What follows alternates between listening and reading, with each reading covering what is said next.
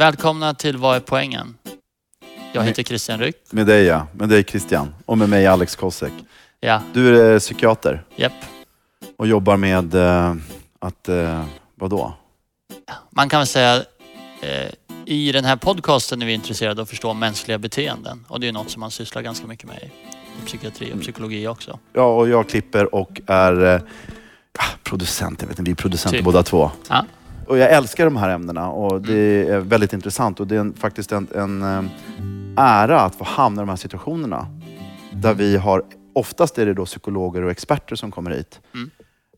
Eh, och, men idag kommer det vara lite ett, ett undantag. Mm. Eh, där vi har en gäst som heter Sture Bergvall som har faktiskt en personlig erfarenhet av någonting väldigt...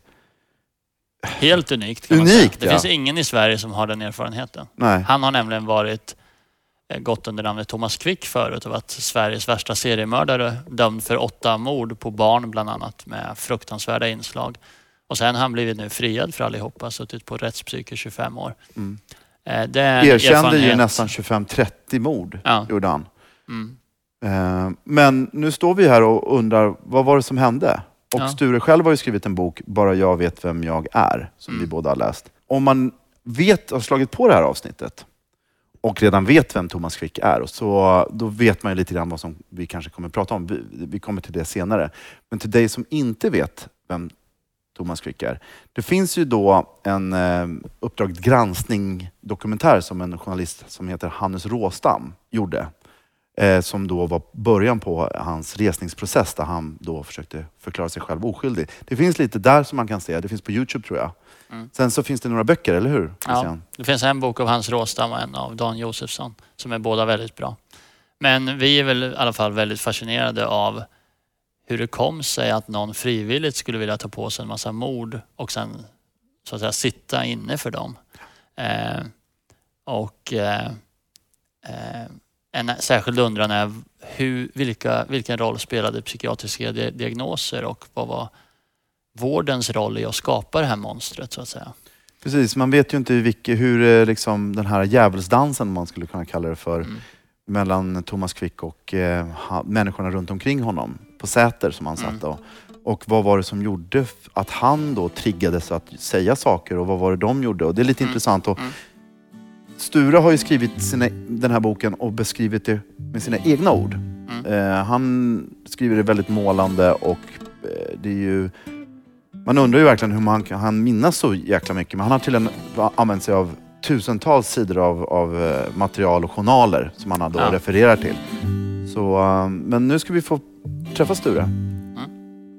Sture Bergvall föddes 1950 och växte upp med sex syskon. Han är kanske mer känd som Thomas Quick eller Sätermannen. 1991 så dömdes han till rättspsykiatrisk vård efter grovt rån och kom då till kliniken i Säter. Där erkände han i terapin ett 30-tal bestialiska mord, de flesta på barn, och han dömdes för åtta av morden. Domarna bygger helt på hans erkännanden, men det fanns tidigt tvivel på att han verkligen begått morden. Sture Bergvall, då Sveriges värsta seriemördare, berättade 2008 för journalisten Hannes Råstam att hans erkännanden var falska. Och 2013 hade alla domar rivits upp. Efter att ha vårdats inom rättspsykiatrin i 23 år är han nu fri. Och i september 2016 kom hans självbiografi Bara jag vet vem jag är ut. Välkommen Sture. Tack så mycket. Vad är poängen med Thomas Quick? Det finns ingen poäng med Thomas Quick. Eh, Thomas Quick är ju ingen figur med kött och ben. Thomas Quick var en fiktiv figur. Men, men fanns det, för det, det frågan egentligen kanske fiskar efter lite grann är ju Thomas Quick då, Sveriges ett tag värsta seriemördare. Vad, vad skapade Thomas Quick? Vad var poängen för dig med Thomas Quick? Poängen för mig var ju först och främst bensodiazepiner. Mm. Rohypnol, Stesolid, Sanor, eh, Halcion. Eh, Mm. Det var mi- min poäng med Thomas. Missbruket. Missbruket. Vi ska komma tillbaka till exakt vad de där är, eh, alla de där sakerna. För det jag kan knappt uttala dem ännu mindre stava till dem. Ni ska få berätta om det. Eh, Men jag tänkte att vi skulle kanske reda ut lite kring namnförvirringen. För det var det för mig när jag satte mig in i det. Jaha, Så Sture Bergvall, Thomas Quick, sen tillbaka. Alltså, varför, det är ju ingen som håller på och byter namn fram och tillbaka. Det är, liksom, det är ju bara så Svartenbrandt och du som jag känner till som byter först till ett namn och sen till ett annat. Jag tänkte vi kan väl titta lite. Sture Bergvall, du är född Sture Bergvall? Jag är född Sture Bergvall. Uh, uh, och jag begick ett bankrån. Det var det här bankrånet som gjorde att jag kom till Säters sjukhus 1991. Ja. Uh, och, och, strax efter att jag hade kommit till Säter så skulle jag skrivas ut. Och jag, jag hade bestämt mig för att flytta till eh, en stad inte så långt ifrån Säter, Hedemora. Eh, men mitt namn kändes som om det var, alltså Sture Bergvall, att det var bekant i bygden, i Dalarna åtminstone. Och jag ville inte komma ut bärandes Nej. namnet Sture Bergvall och bli igenkänd via namnet. Så då beslöt jag mig för att byta namn. Och var tog du namnet ifrån då? Uh, det var ganska enkelt egentligen. Jag hade ont om, om pengar och det var gratis att byta uh, efternamnet till någon släktings efternamn. Och min mamma hette Kvick som flicka. Så det kunde jag ta utan att det kostade mer än 300 kronor, alltså en stämpelavgift. Eh, och så ville jag ha ett förnamn som passade till Kvick då. Och, och, och, och jag kände efter, jag tänkte Stig Kvick. Nej, det var inte bra. Peter Kvick. Nej. Och så till slut så hamnade jag Thomas Kvick. Ja, men det lät bra. Det, det, det kändes bra i munnen. Så det var ett namn som du tog för att fly från, eller lämna Sture och det som bankrånare och det som var innan det. Du så ville lämna det. det. lite. Och... Så var det.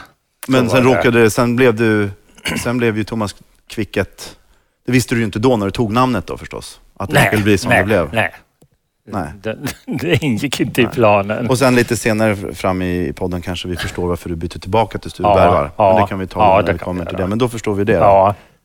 Så det var ing, inget konstigt? Nej, men det, för det kan ju, om man inte är insatt i det så ja, undrar man ju, vad är det liksom? Vad var din första kontakt med liksom droger och, och, stimulans och sånt där? Det var väldigt tidigt i livet. Hur gammal var du då? Jag var 14 år när jag debuterade som... som eh, ja, egentligen debuterade jag på, på en gång som missbrukare. Eh, jag hade varit, jag kan dra upprinnelsen till mitt missbruk var egentligen en, en enskild händelse, en enstaka händelse. Eh, jag var kär i en skolkamrater. Jag gick på högstadiet. Falun var tidigt med högstadiet så jag har gått, gått grundskolan. Alltså, eh, Falun var tidigt med grundskolan. Eh, och jag var kär i en skolkamrat. Bo, som du ja, skrivit i boken. Precis. Eh, och, och, 1965 så, så fick man inte vara homosexuell. Det betraktades som en sjukdom. Eh, var man homosexuell var man sjuk. Eh, men som andra tonåringar så, så, så var jag väldigt förälskad och svärmade i tanken kring Bo. Då. Eh, eh, och jag ville också ha sällskap som, precis som Kent hade sällskap med Agneta och Sven-Olof med Inger, så ville jag också ha sällskap. Och jag hade beslutat mig för att tala om för Bo att jag tyckte om honom, att jag faktiskt älskade honom. Och jag hade bestämt mig att göra det vid en skoldans. Eh, det var mycket vånda och, och, och, och, eh, kring det här. Men jag gick på den här skoldansen och det var Bo eh, och ett band som hette Tombstone spelade. Och jag gick fram till Bo på dansgolvet. Eh, och närmade mig honom och så sa jag, jag tycker om dig, jag vill bli ihop med dig. Eh, och det var som om hela rummet blev knäpptyst. Eh, jag förstår ju så här efteråt att så var det inte, men det var så jag upplevde det. Eh, eh, och Bo vände sig till mig och, och, och ropar med hög röst. Vi har en äcklig bög här som vill knulla. Och där föll min värld ihop eh, fullständigt. Jag blev kallad till rektorn. Rektorn skickade mig till barn och ungdomspsykiatriska kliniken i Falun eh, där man konstaterade att det var fel på mig. De här insulinbehandlingarna som du pratar om, var det enbart, det var väl för att bota din neuros va? Men det var även... Även att bota för homosexualiteten sa man berodde på att jag var en neurotisk person. Och, och fick man bukt med det här neurotiska så skulle man ju också få bukt med homosexualiteten. Men tänk, för det är ju liksom eh, framstår det som obegripligt idag, fast det inte var så himla länge sedan, att eh, homosexualitet eh, ledde till psykiatrisk vård. Mm. Både insulinbehandling och andra behandlingar. Eh, innan dess då, alltså innan du var 14, den här händelsen då. Ja.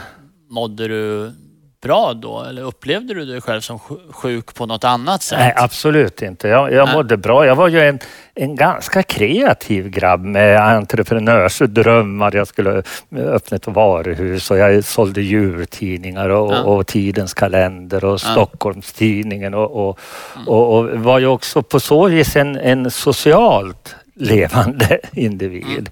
Mm. Um, hade bra kontakt med mina mm. syskon och, mm. och vi spelade monopol och, och, och, och kort och, var ute och, idrottade och så vidare. Mm. Eh, så, så, det upplevde jag inte. Ja. Men den här, för att komma till missbruket igen. Då, mm. Eh, den här händelsen vid skoldansen, det här besöket hos, hos barn och ungdomspsykiatriska kliniken ledde till att jag började sniffa. Jag hittade jag hittade, det var en kamrat i och för sig då, som introducerade mig för, för trikloretylen. Eh, och jag föll pladask för den drogen. Eh, jag upplevde ett lugn, jag upplevde en, en annan värld med hallucinationer och jag, jag kunde promenera i, i trädgårdar som låg, låg på molnen och, och eh, det, var, eh, jag hittade ett fanta, en fantastisk gro du gillade att sniffa får man säga. Alltså den upplevelsen du fick av det var ja, väldigt positiv. den var väldigt positiv. Mm. Uh, och jag behövde bara använda trikloretylen en enda gång så var jag fast. Mm. Så var jag en missbrukare.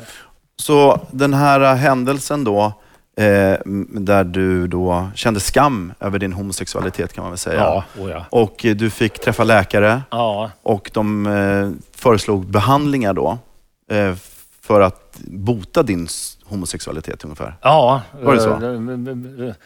komma till rätta med mitt neurotiska och, jag. Alltså, och vad var den typen av behandling? Vad, utgick, vad gick den ut på när du var 14 år gammal? Vad, vad, hur, vad, vad utsattes du för? När jag, så småningom, tre år senare, eh, jag började på ett internatläroverk i, i Uppsala, Fjällstedtska skolan. Jag tänkte att jag skulle bli mm. präst. Eh, jag hade förebilder i familjen. Jag hade en bror som läste teologi i Uppsala och så vidare.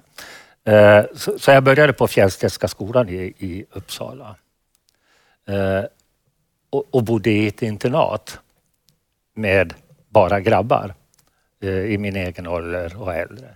Eh, och där blev jag ju också förälskad.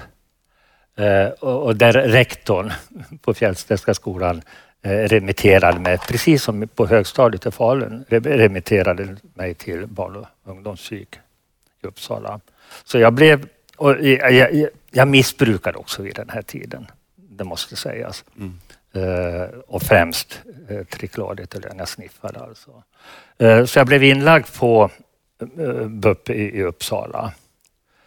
Och där skulle man också komma till rätta med den här neurosen psykiatrin har ju varit behäftad med modediagnoser, så vill jag kalla det. Uh, uh, Grimaser som utspelar sig här? ja. ja okay. och den tidens modediagnos var neuros. Så upplever jag det. Ja. Och här skulle man, hade man en fantastisk behandling, nämligen insulin. Och en insulinbehandling innebar alltså att man... Det här är ju jäkligt ont alltså när jag tänker på det. Fortfarande gör det så jäkla ont.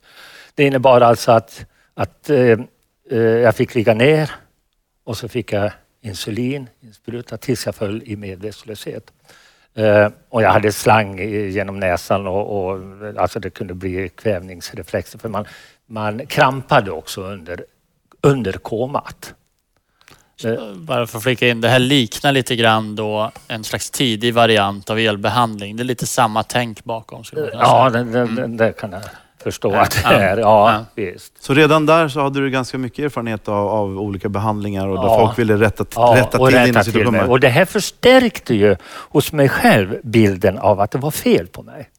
Eh, det var ju jag som var fel. Alltså, alltså det här det här samhälleliga, de här större strukturerna plockades ner på individnivå. Och så var det individen det var fel på. Och eh, hur, var du, kände du liksom tvingad till de här behandlingarna eller? Ja, eh, absolut. Eh, eh, Jag, jag kanske inte tänkte så, men, men, men sammanhanget gjorde ju att jag blev tvingad till det. Absolut, så var det. Att, att, att komma, bli utskriven från, från BUP, eh, ett led i det, det var ju också att gå med på de här behandlingarna. Eh, och, och jag hade ju inte kunskap och, och, och, och insikt att säga ifrån. Nej, det här vill jag inte utsätta mig för. Jag trodde också det var bra. Till insulinbehandlingen hör ju också att jag upplevde en väldigt positiv effekt när jag vaknade ur medvetslösheten. Då var jag urhungrig, superhungrig. Och då var det ett frukostbord dukat med filmjölk och juice och ostar och allt möjligt. Och det där var någon slags eh, nästan som en belöning.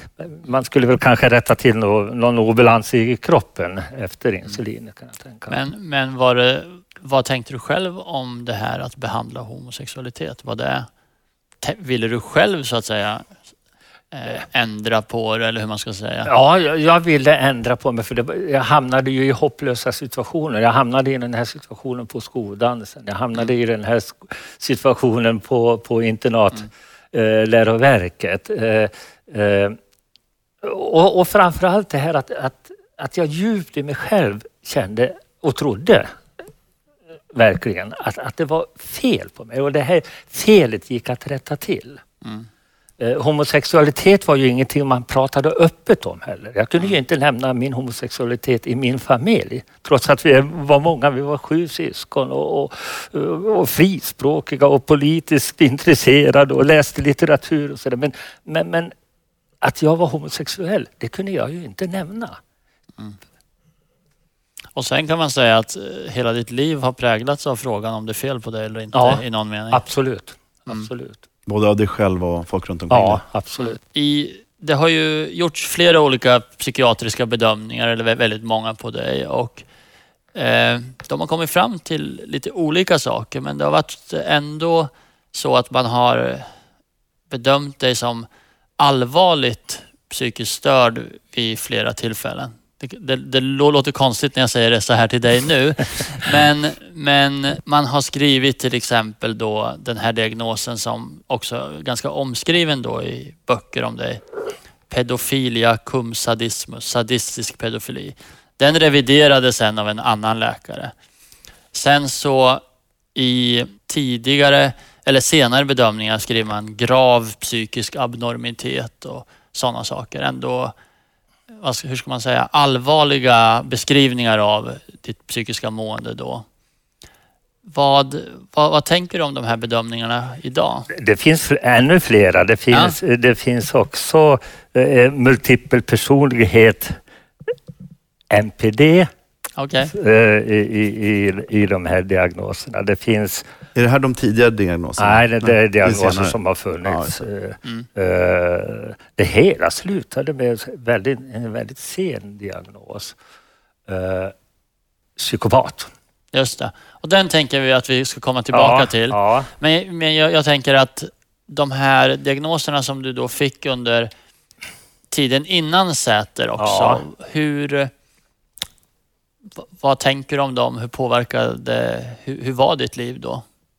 Det, det, alltså jag har ju levt ett missbrukarliv. Det, det, det är så jag ser det. Jag har haft, jag har haft eh, bra perioder också. Jag hade en bra period mellan, eh, vad ska vi säga, 77 till 90. Det var, var en bra period. Eh, Och, där tog jag ett återfall med, i amfetamin och, allting gick åt fanders. Eh, de här diagnoserna, eh, jag vet ju när, när, när eh, jag åkte dit för det här bankrånet 1990 så var jag livrädd för att hamna i fängelse och gjorde en rättspsykiatrisk undersökning på Huddinge sjukhus. Då var det också lätt att ta till de här tidigare diagnoserna. Eh, Att du själv de gjorde här det, du, tidiga eller? föreställningarna skulle jag vilja kalla Ja. det. Eh, Ja, jag gjorde det själv också. Ja. Eh, Med hjälp då naturligtvis av det rättspsykiatriska undersökningsteamet på, på Huddinge. Mm. Eh, till och med så att, att, att jag själv sa titta på Otto Brundins diagnos. Otto Brundin Ja. var den som eh, påstod att jag var en sexualdåre, Ja. enkelt uttryckt. Då. En, En En farlig person en också, farlig förutsedd person. han att det ja, skulle bli. precis. Eh, Något som Rättsliga rådet senare tittade på, eller samma år tittade på och underkände. Eh, men, men vid Huddinge så, så, tog jag själv fasta på den här diagnosen. Titta vad Otto Brundin har skrivit. Ja, Ni kan ju inte döma mig till fängelse. Jag måste ju ha vård. Mm. Jag vågade inte hamna i fängelse. Jag, jag, jag fruktade en fängelsevistelse kanske mer än någonting annat. Mm. Och, och allt det här sammantaget ledde till att jag fick en ny diagnos och, Mm. och, och, kom till Säter. Så den, den diagnos du fick 1991 på rättspsyk på Huddinge Ja, medförde ju att efter bankrådet fick du inte fängelse utan fick rättspsykiatrisk vård. precis. Och på något sätt blev ju den diagnosen då väldigt avgörande för att hela Thomas Quick-historien kunde rulla igång. Ja, absolut. Mm. Helt avgörande. Och sen kommer du då till Säter 29 maj 1991. Och vad, hur var det där? Det var bra och det var ju också... Det, det fanns en... Nu är jag osäker på hur man uttalar just nu i det här ögonblicket. eh, En hierarki Mm. på Säter. eh, så- Som jag ser det idag. eh, Med bra patienter och eh, eh, patienter med hög rang. Eh, Till dem hörde Lars-Inge Svartenbrandt till exempel som gick i terapi. eh, eh, Som utstod terapins våndor. Men som gjorde någonting verkligt bra av sina liv. Och det var att gå i Säterterapi, i Margit Norell-terapi. Margit Norell var den, den psykiatriker i Stockholm, eller psykolog i Stockholm som handledde både psykiatriker och psykologer på Säter. Eh, enligt ett eget tankesätt. Eh, och det, jag kände ju att jag, min ambition var när jag kom till Säter och med, med den rättspsykiatriska undersökningen i Huddinge var att själv få gå i terapi. Mm. En, eh,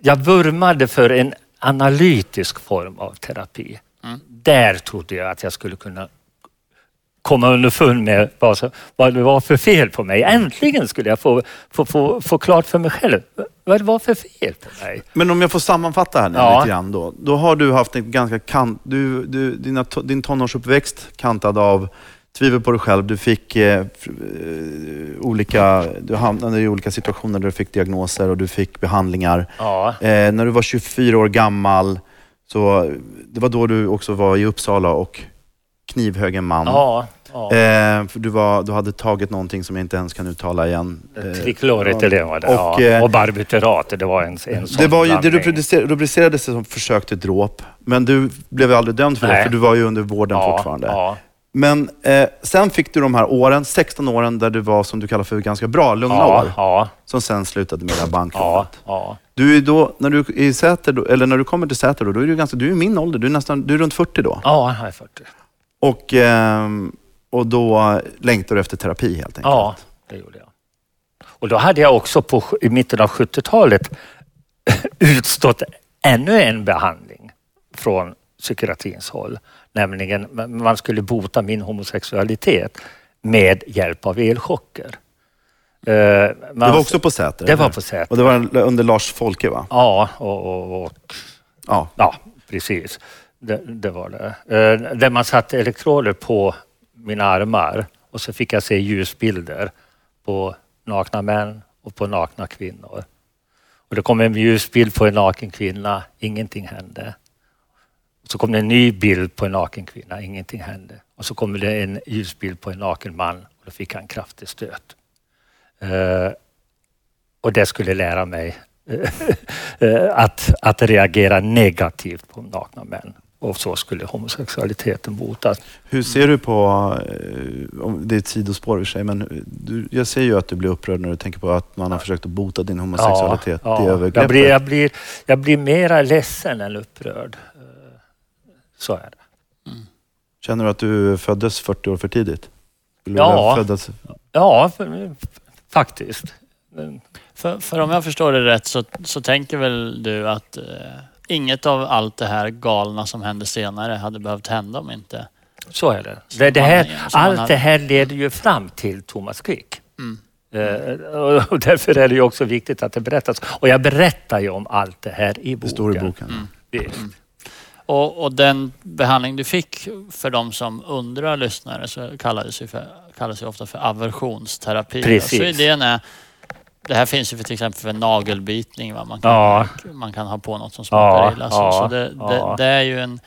Eh, det problematiska är Ja. förstås att man använder det på Ja. någonting Ja, som homosexualitet. Ja. Och det kan man säga, det, det, det är ju något som eh, du har fått flera behandlingar Ja. för fel orsak. Ja. Kan man säga. ja, Så du är på Säter, du har blivit dömd efter det här eh, bankrånet. ja, Du höll en kvinna och en pojke eh, till fånga kan man säga Ja, medan du ja, väntade på pengar. Och ja, du dömdes till det och då kom du till Säter, du är runt 40 år. ja.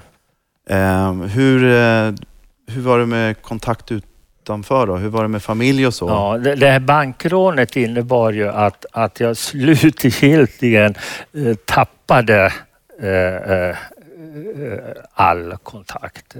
Eh, det blev en brytning med min stora familj. Det blev en brytning med andra vänner jag hade. Jag gick in i en i en ensamhet som var... Den, den är svår att beskriva. Jag gick in i, i i ett tillstånd av, av, av eh, att inte vara levande. Eh, eh, och man pratade på Huddinge väldigt mycket om Säters terapi, om Göran Kjellberg och Lars-Inge Svartenbrandt och sådär. Eh, och, och där närde jag ett litet hopp. Ja, men får jag bara gå i den här terapin så kanske jag kan hitta livet igen som, som var borta på alla sätt egentligen.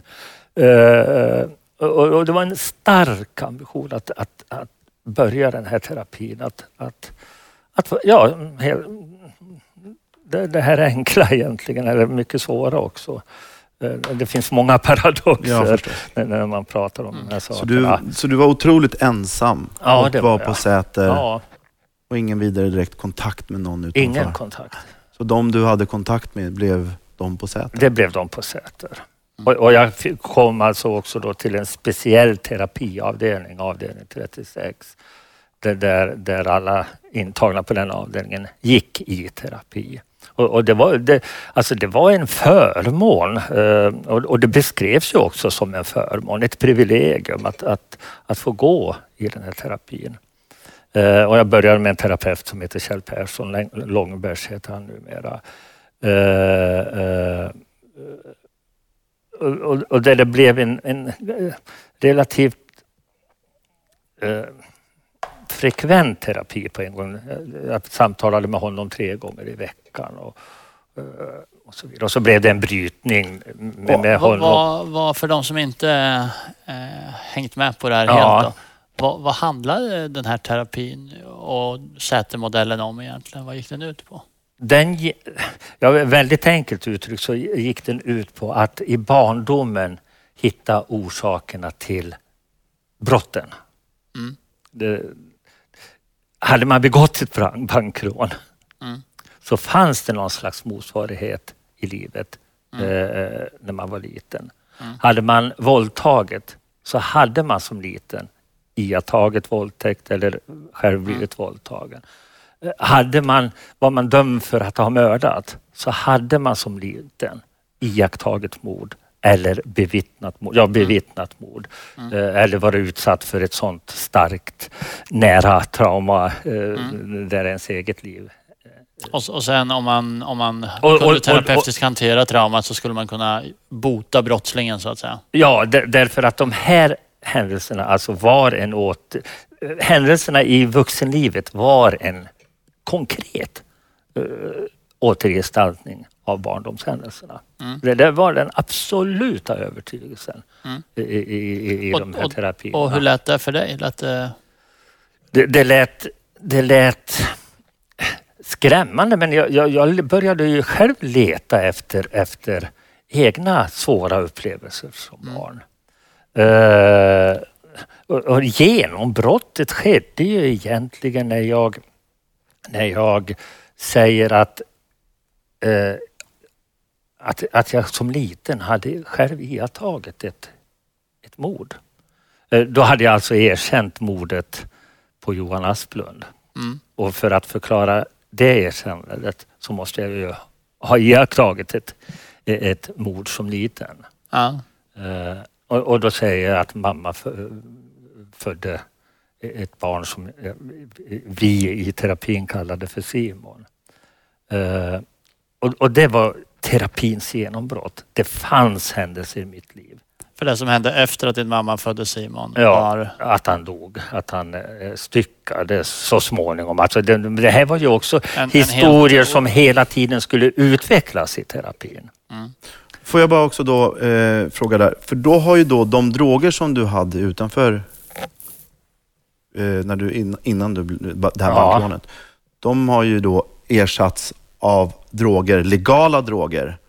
För du har, Medicin du, medis- kallas det. Ja, mediciner. Ja, men det var droger. För du, det, men det är du, ju den rätta men alltså för den här, eh, för, så när vi pratar om det här Ja. eh, Simon och det Ja. som du berättar, då har du ätit, jag har kollat på det här, jag är inte läkare, men det är ju bensodiazepiner och det, det, det är då Stesolid och lite andra grejer, det är Triokomp. Det, jag vet inte vad det, hur stenad blir man av det här Man blir egentligen? väldigt stenad. Alltså är det som att röka gräs eller är det som att dra i sig en pava vin? Eller? Ja, man blir en annan person helt enkelt. Eh, Visst, och jag hade så stora mängder bensodiazepiner. Har du provat det här eh, Christian? Har du käkat Jag det har här? provat Stesolid och eh, eh,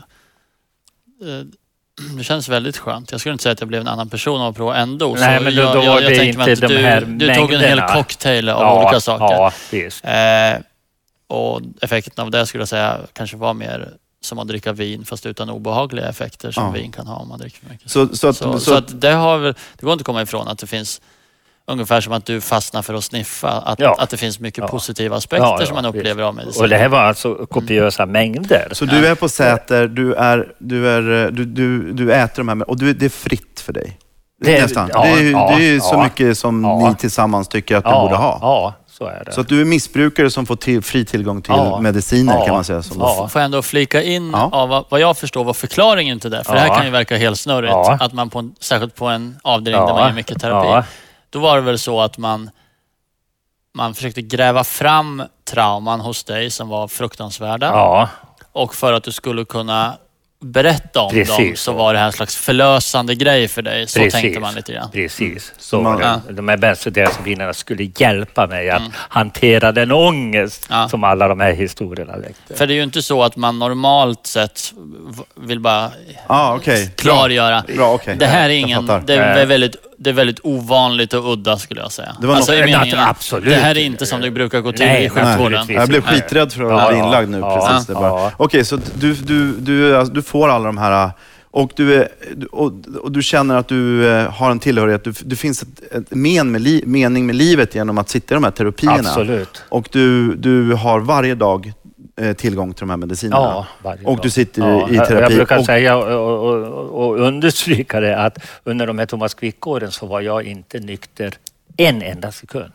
Och, Och det var du- verkligen så. så när du berättade om det här mordet på Simon, Ja, så var det, då var du eh, stenad? Eller då packad? var jag verkligen eller? Ja. stenad. Det, det, det är väl det rätta Ja, och jag är lite nyfiken på just det här, alltså vad är det som gör att man vill, jag har ju läst boken då, så Ja. jag har ju fått en, men, men om man ska förklara, du är, den, du är en ensam missbrukare på Säter och den enda familj du har är din terapeut. Ja, det är det. Och, och, och avdelningspersonalen. Alltså, och, och de har en teori. Och, du, och hur känner du när du är där? Varför, för jag har ju ändå lite svårt att förstå hur man kan ljuga ihop en sån sak. Ja, Ett mord alltså. Ett mord på Ja. Simon då, Ja, som det, det här ja, barnet som ja, din mamma Ja, kommer in Ja. när du, under tiden du Ja. blir antastad av din pappa ja, och hon kommer in och har fött barnet. så är historien. Ja. Ja, visst. Hur kan man dra en sån historia? Ja, men man, man helt- drar den inte spontant utan den byggs. Eh, Den byggs och, och ska också referera till påstådda händelser i vuxenlivet som i sin tur ska referera till de här barndomshändelserna. Så, så det sker en växelverkan här. Men, men, men eh, det som jag tror man ändå...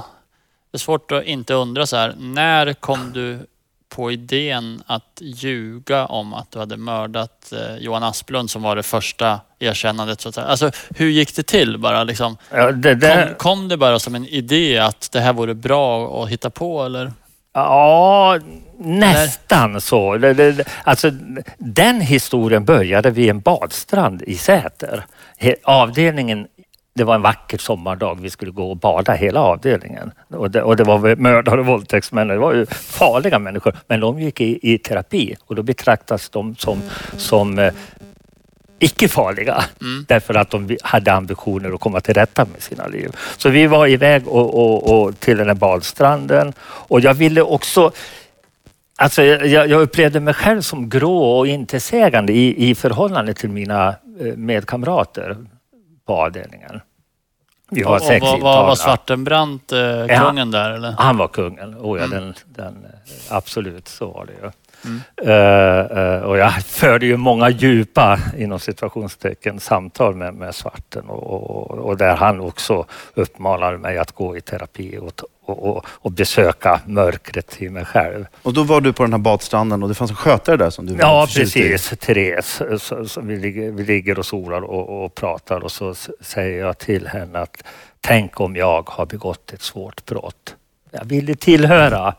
Eh, och hon undrar och, och jag säger ja, till exempel, och så kunde jag inte, jag kunde inte säga det.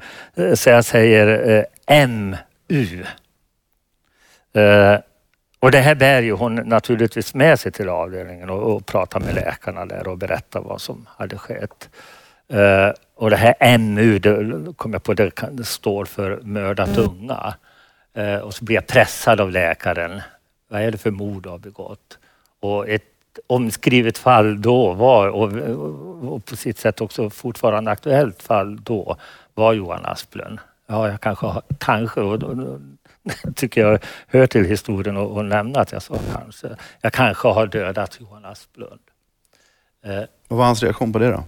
Ja, det var ju en, en slags entusiasm och, och en iver att, att, att alltså, det, det, fanns, det fanns beröm när jag sa de här sakerna. Det fanns... Eh, eh, Det var i alla fall vad du upplevde. ja, absolut. Visst. Frågar man honom så kanske han säger något annat. Då. Jag tror inte det. Nej?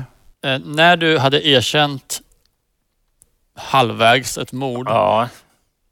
vad, vad tänkte du konsekvenserna skulle bli av det? Jag hade inget konsekvenstänkande.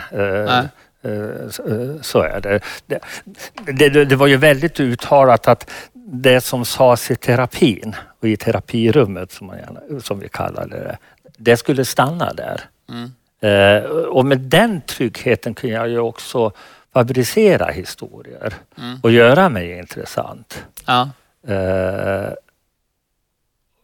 Och, jag begrep ju inte att, att ett mord, att man då skulle kliva ur terapirummet och berätta det för polisen, men det var ju det som skedde då. Mm. Eh, och, och jag hade inte förmågan att säga eh, som det var, att det här var en fantasi, det var ett, ett påhitt. Eh, det kunde jag inte. Och, och, För, för då, då, då, då, då riskerade jag att förlora de här Ja. människorna kring mig. Som, som jag upplevde att de älskade mig och jag älskade dem. Mm. Eh, så, så det gick inte. och vad, vad tänker du när du sitter här idag? Där då? Ja, det, är, alltså det, det, det är ju långt vidare tankar än, än just den där konkreta situationen. Eh, eh, men jag menar, jag det tänker- följs av polisförhör som är ju en katastrof men som tas på allvar och så vidare och så vidare. Men det här att kunna backa på en lögn, liksom, det tänker jag mig, det är ju något som vi brottas med Ja, allihopa. Ja. Ja, ja, men Ja. Jag, jag tänker bara på en sån enkel grej. När jag läser boken så känner jag igen bara den situationen är ju om jag i ett socialt sammanhang träffar någon som jag ser upp till och, och Ja. de frågar så här, ja, och jag frågar vad, vad gillar du för tv-serier? Ja. Och de säger så här, ja men jag gillar Sons of Anarchy, den, har du sett den? Och då kanske man drar till med, ja, men den är kanonbra, ja, superbra. Så inser man att ja, man, jag har ju bara ja, sett tio minuter av ett avsnitt på SVT. Och då är det ju inte lätt att så här, en timme Nej. senare gå fram och säga, du, eh, ehm, du vet jag sa ju nyss att jag sett den där serien. Det har jag inte, jag har bara sett tio minuter. För det är ju rätt mycket skam i det. Ja, Vad fan det är- ljuger det man över en sån sak? Ja, det det det är en skam. och då är jag ju inte på bensodiazepiner och Nej. jag mår inte som du nej, mådde. Nej. Så att någonstans kan jag relatera till att man drar en lögn Ja, och ändå ha lite svårt. Ja. Sen kan man ju ändå tänka så här, men vad fan, ja. Sture. Men, men jag tror alltså att... Du kunde att ju bara sagt... Nej. Nej, nej, jag men kunde man inte tänker ju så. Nej, Ja, jag vet. men, visst. men det är ju för att jag inte är du. Ja, precis. Det är för att jag lever ett normalt liv. Ja, Eh, och skulle jag kanske vara 40 år och haft, varit avskärmad från omvärlden, ingen familj, Ja. känt mig ensam och helt plötsligt se att du får reaktioner på det du säger och samtidigt under den här medicineringen. precis.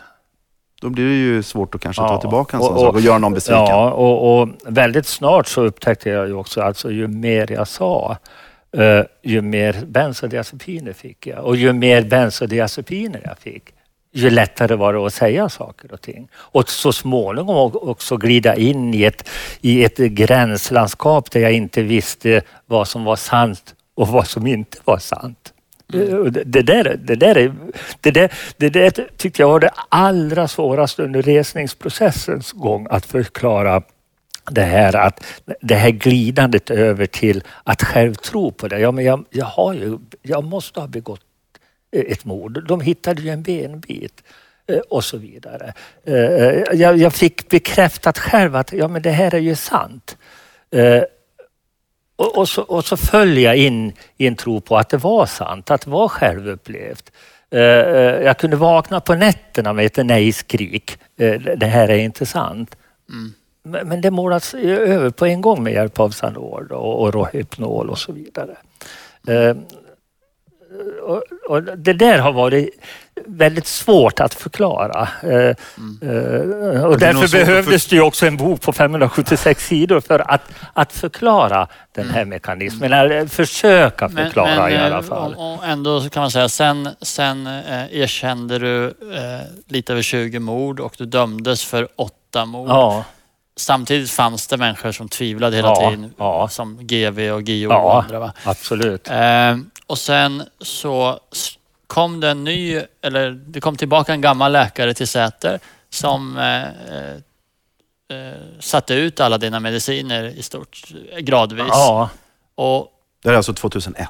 2001 är är det vi då. framme då. Och där är jag Och- dömd och för då åtta mord. Ja. kvicknar du till, om man får säga så. Ja. Eh, och, Roligt. och hade du några... Hur mådde du då när du slutade med medicinerna? Det, utsättningen som det kallas då, varade ju i åtta månader, nästan tio förresten. Någonstans mellan åtta och tio månader. Eh, alltså abstinensen var ju fruktansvärd. Eh, jag låg, jag låg på min säng dagarna igenom med knäppta händer och en puls på 160 slag i minuten. Jag tappade mer än 30 kilo i vikt. Det, alltså det, var en, eh, det var en våldsam eh, period det här med abstinensen.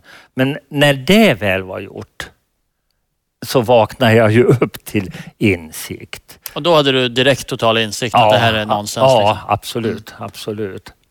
Eh, och den vånda det medförde. Och, och det ledde ju också, min nykterhet ledde också till sju år av total tystnad. Mm. Eh, Tystnad på avdelningen. Eh, Jag hade ingen som helst kontakt med människor utanför murarna. Eh, Jag le- levde verkligen i tysthet i sju år. Eh, Men, men det var ju också sju år där jag Alltså jag kände hur jag höll på att tyna bort.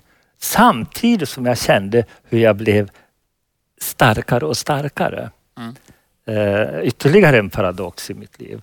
Eh, Det var under de här sju tysta åren jag blev frisk. Så ser jag det.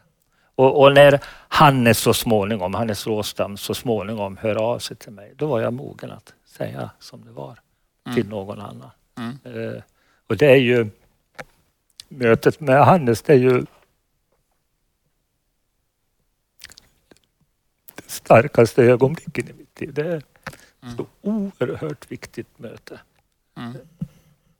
Hannes var. Hannes var journalist på SVT och, och Ja. tänkte att det kanske låg mer till det du hade Ja, sagt. ja. Och, och öppningen, eh, nyckeln kanske vi ska kalla det, till att jag kunde säga som det var till Hannes. Det var, han, han hade gjort en dokumentär om varför erkänner de? Om mordbränder i, i Falun, min hemstad, på 70-talet. Och, och jag såg den där dokumentären och skakades av det jag såg. Och, och, och, och min hemmiljö och allt det här. Eh, eh, och jag tyckte att Hannes hade en väldigt bra ton i programmet. Han var inte mästrande. Han, var, ja, han hade en väldigt bra Det var ton. eh, m- folk som hade erkänt för mordbrand. Ja, som ungdomar. Inte, ungdomar Ja. och eh, man kollade på varför man erkände något man inte hade begått. Precis, det var precis det- så var det. den- Så det fanns ju så många paralleller till Paralleller. mitt eget liv. Eh, och så ett par veckor efter det här programmet så fick jag ett brev från Hannes Råstam som frågade om han fick komma och hälsa på mig. Och jag svarade positivt på det där brevet och så småningom kom han.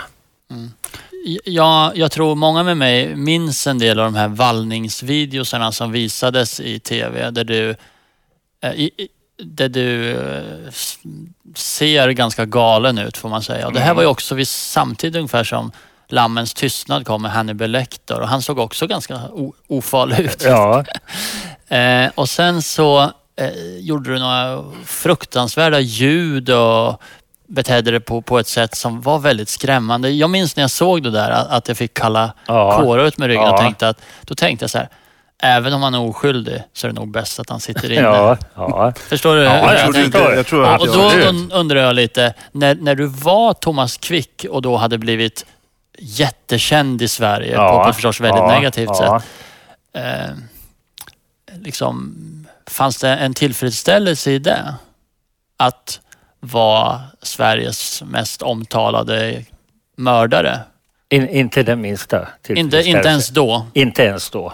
Nej. Så var det. Det var aldrig så att du gick jag lev- igång på seriemördargrejen? Nej, absolut inte. För jag levde i en sån sluten miljö, eh, eh, avdelning 36, där omvärldsreaktionerna inte betydde någonting. Utan det, Inte det, om du läste i tidningen Nej, så? precis. Utan Nej. det viktiga var det som hände i, i, i samspelet med, Mm. mellan oss som var på avdelningen. Det var det viktiga och det centrala. Eh, och apropå det här med vandringsvideorna. Det, att, att jag sa som det var till Hannes berodde också på den här nyckeln som jag nämnde.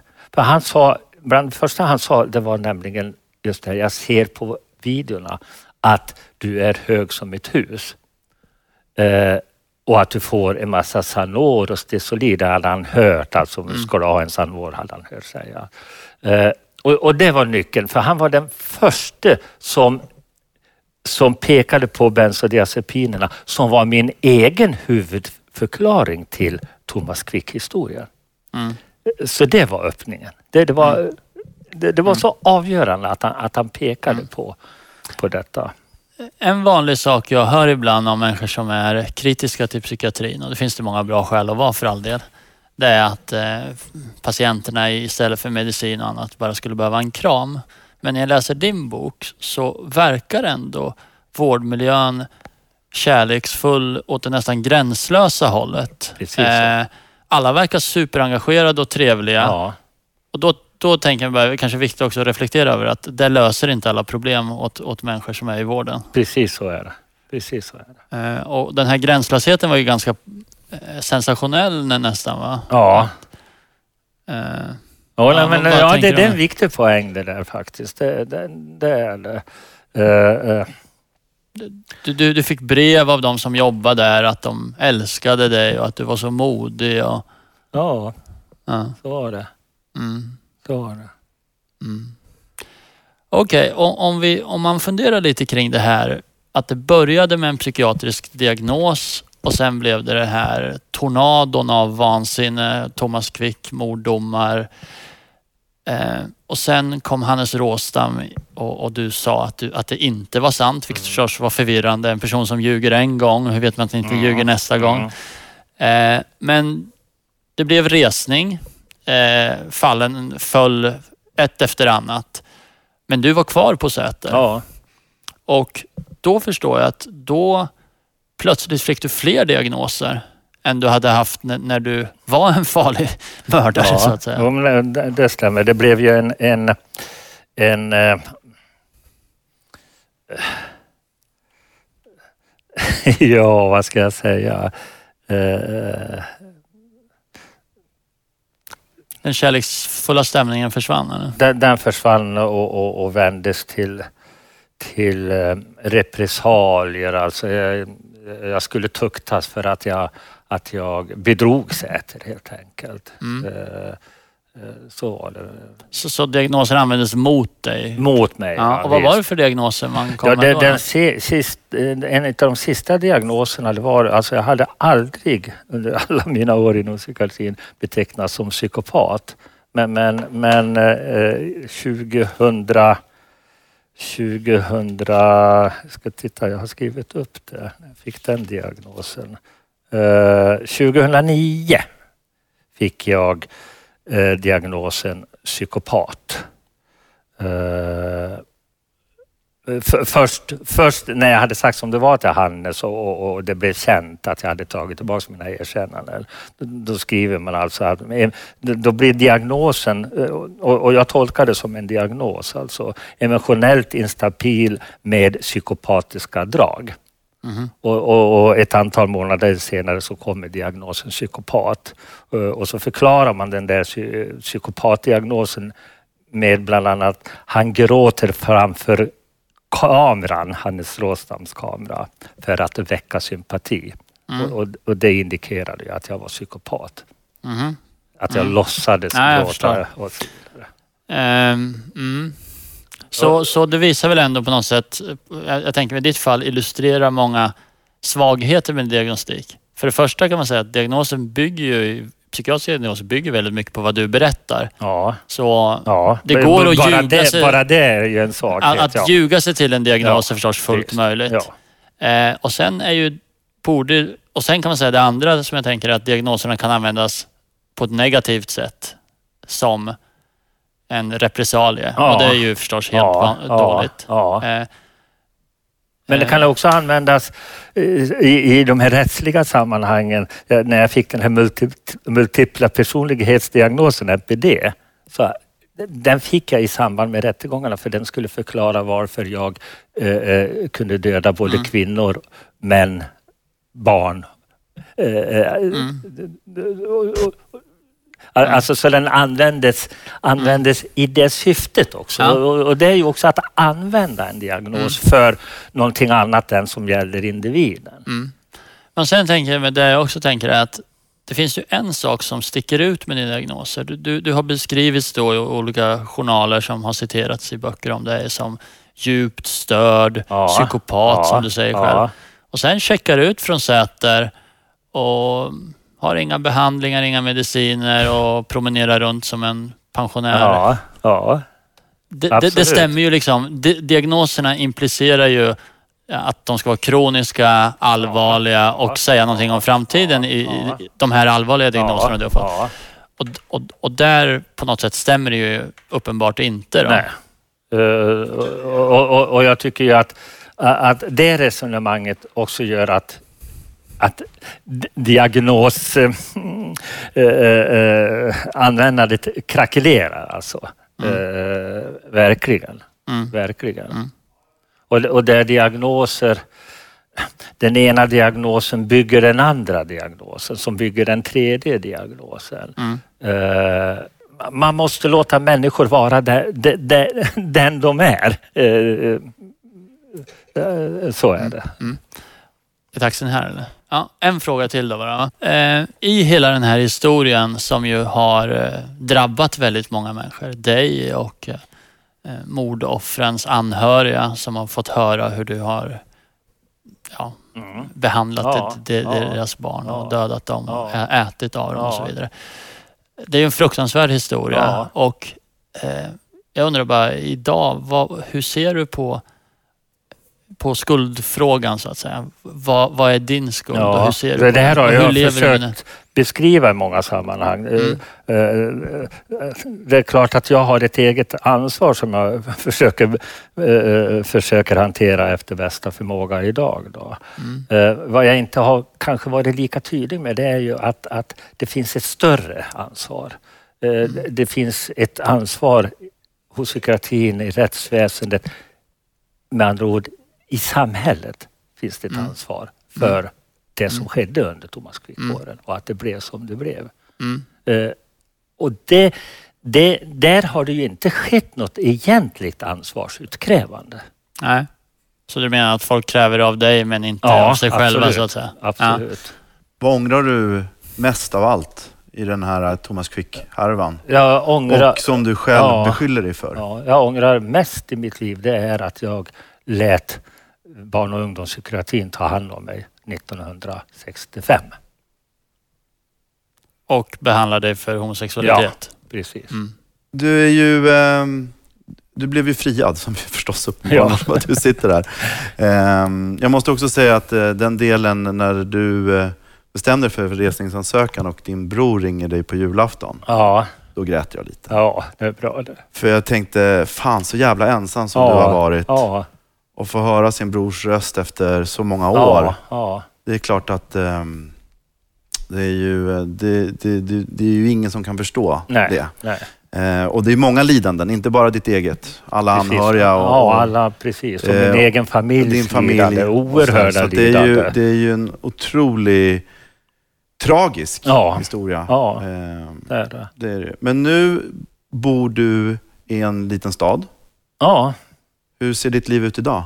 det är ett eh, stilla och lugnt liv. Ett liv som jag verkligen trivs med och vill leva. Ehm, utan åthävor.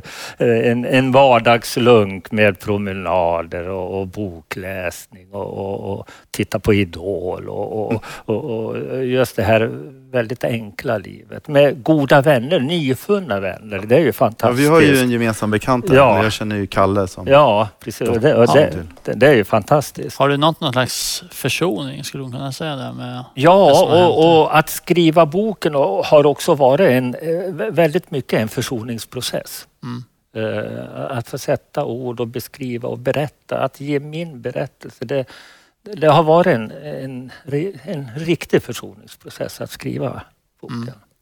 Du skriver väldigt bra. Blir det några fler böcker? Ja, det blir det. Men om något helt annat. Eh, där satt jag ju verkligen punkt för Thomas Quick-historien och Thomas Quick-åren.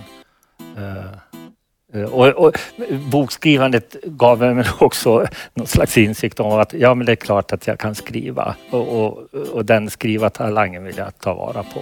Nu är du helt drogfri, alkoholfri ja, helt och, och inga, du har inget med vården att göra, Nej, psykiatriska vården. Ingenting alls. Det, det är underbart. Tack Sture för att du kom och tog dig tid och eh, lycka till med allting. Och boken heter Bara jag vet vem jag är. Tack Sture att tack så mycket. Tack. Tack så mycket.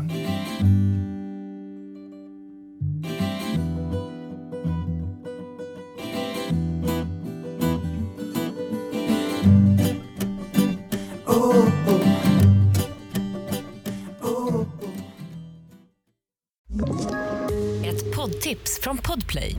I fallen jag aldrig glömmer djupdyker Hasse Aro i arbetet bakom några av Sveriges mest uppseendeväckande brottsutredningar. Går vi in med hemlig telefonavlyssning och, och då upplever vi att vi får en total förändring av hans beteende. Vad är det som händer nu? Vem är det som läcker? Och så säger han att jag är kriminell, jag har varit kriminell i hela mitt liv men att mörda ett barn, där går min gräns.